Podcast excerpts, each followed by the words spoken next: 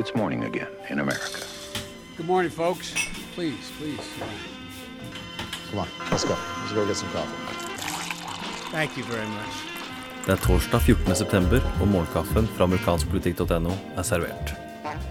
I går kveld amerikansk tid så overraska nok en gang president eh, Trump mange av sine egne partifeller samt store deler av Washington eh, idet det ble kjent at han, sammen med Chuck Schumer og Nancy Pelosi, minoritetslederne i Senatet og Huset, skal ha blitt enige om eh, en plan for å beskytte eh, de såkalte DACA-immigrantene. Eh, som han i forrige uke sa at programmet skulle fases ut. Det er da snakk om disse rundt 700 000 immigrantene som kom til USA som unge sammen med sine foreldre, som under Obama-administrasjonen fikk beskyttelse som Trump-administrasjonen nå det skal fases ut over en periode på seks måneder. Men det her er da nye toner fra Trump som da går stikk i strid mot hans justisminister, som har vært en klar motstander av, av hele Dhaka og, og, prinsippene de er bygd på. Um, og det her er jo i tråd med det vi fikk høre med, med, Trump, som da hadde blitt enig med nok en gang Schumer og Pelosi eh, om at gjeldstaket skulle heves i tre måneder, og at Harvey skulle motta støtte. Eh, en løsning som eh, var helt i strid med det Paul Ryan og partifellene, eh, republikanerne, hadde foreslått. Um, så her er det da Mr. Bipartisanship uh, for uh, andre uke på rad. Nye toner fra Trump, nå som Steve Bannon annet er ute av Det hvite hus, og bandens Breitbart, denne nettsiden Breitbart News, uh, selv om det ikke er noen som er direkte sitert her, så kommer nettsiden ut og omtaler herr Trump som Amnesty Dawn etter at denne nyheten ble kjent. Eh, og dersom Trump og demokratene her skal komme til enige i en innvandringssak, så, så vil jo det være som en liten håndgranat som, eh, som spretter inn i, eh, i, det republikanske partiet når det gjelder immigrasjon her. Og så et lite eksempel. Steve King, konservativ kongressmann fra Iowa, som var en tidlig støttespiller av nettopp Donald Trump av um, hans immigrasjonspolicy.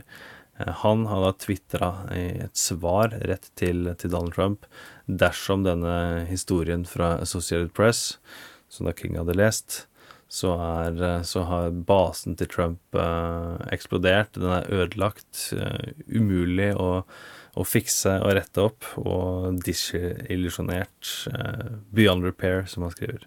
No promise is credible. Um, så fortsetter han med da å snakke om og omtale her som amnesti. Så et lite eksempel på at, um, at Trumps um, mest konservative støttespillere ikke setter pris på disse nyhetene. Men Trump må ha kalkulert med at han er såpass upopulær, og ting ikke har fungert fram til nå, at det kan være lurt å gå tilbake til det han snakket om i valgkampen, eh, når det gjelder at han skulle være en president som kunne få til avtaler eh, som ingen andre.